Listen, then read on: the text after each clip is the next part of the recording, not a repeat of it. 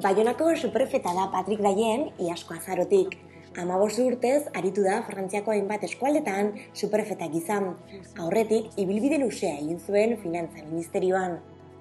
Kanaldudek, Euskal Irratiek, Herriak, kaseta.infok eta Ipar Euskal Herriko hitzak elkarlanean eginiko ahoan bilorika besaioan elkarrizketatu dute daien. Gori-gorian dagoen giro politikaz galdetutan, Frantziaren jarrera argia azaldu du. Frantziak ez dio aitortza instituzionalik eginen Ipar Euskal Herriari, adostasun zabala egonarren horren inguruan.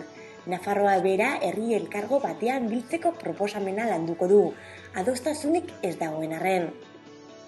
Aieteko adierazpenari buruz, Frantziak urratzak egin beharrik ez duela adierazi du. Ukatzen du lotura dagoenik ekainaren amabostean ieslari politikoek miarritzen egindako agerraldiaren eta txiloketen artean.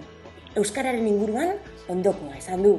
Pour le moment, il n'y a pas, il n'y aura pas de mise en place de signalétique en bilingue, ni de traduction euh, des, euh, des imprimés euh, qui sont mis à disposition du public à la sous-préfecture, ni dans les services de l'État d'ailleurs. Pourquoi? Parce qu'on considère que c'est pas une nécessité et c'est pas indispensable de, mettre en place cette signalétique que, pour permettre le, maintien et le développement de la langue. Voilà, c'est qu'on ne veut pas aller jusqu'à cette étape-là. Pour le moment, c'est c'est comme ça. D'ailleurs, ça n'existe nulle, part ailleurs à ma, connaissance. Il existe de la signalétique euh, sur la voie publique, mais pas dans les services de l'État.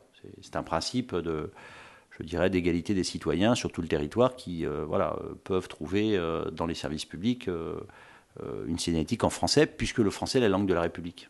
C'est écrit dans la Constitution, donc c'est l'application stricte, je dirais, de, de, cette, règle. Comme d'ailleurs, on rappelle euh, régulièrement aux fonctionnaires de l'État qu'ils doivent s'exprimer en français et ne pas euh, s'exprimer. Alors là, ce qui est visé, c'est plutôt les langues étrangères comme l'anglais ou, d'autres langues.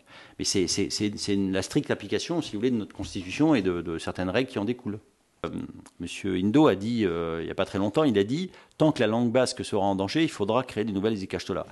Moi, je ne sais pas ce que ça veut dire, tant que la langue basque sera en danger. Jusqu'à à partir de quand on considère qu'elle est en danger et, et jusqu'à jusqu'à quand euh, on peut considérer qu'elle l'est plus? Ça, j'avoue, j'ai pas la réponse. Parce que ça, c'est une notion qui est difficile à appréhender. Alors, on peut considérer qu'elle est en danger si chaque année il y a de moins en moins de gens qui la parlent.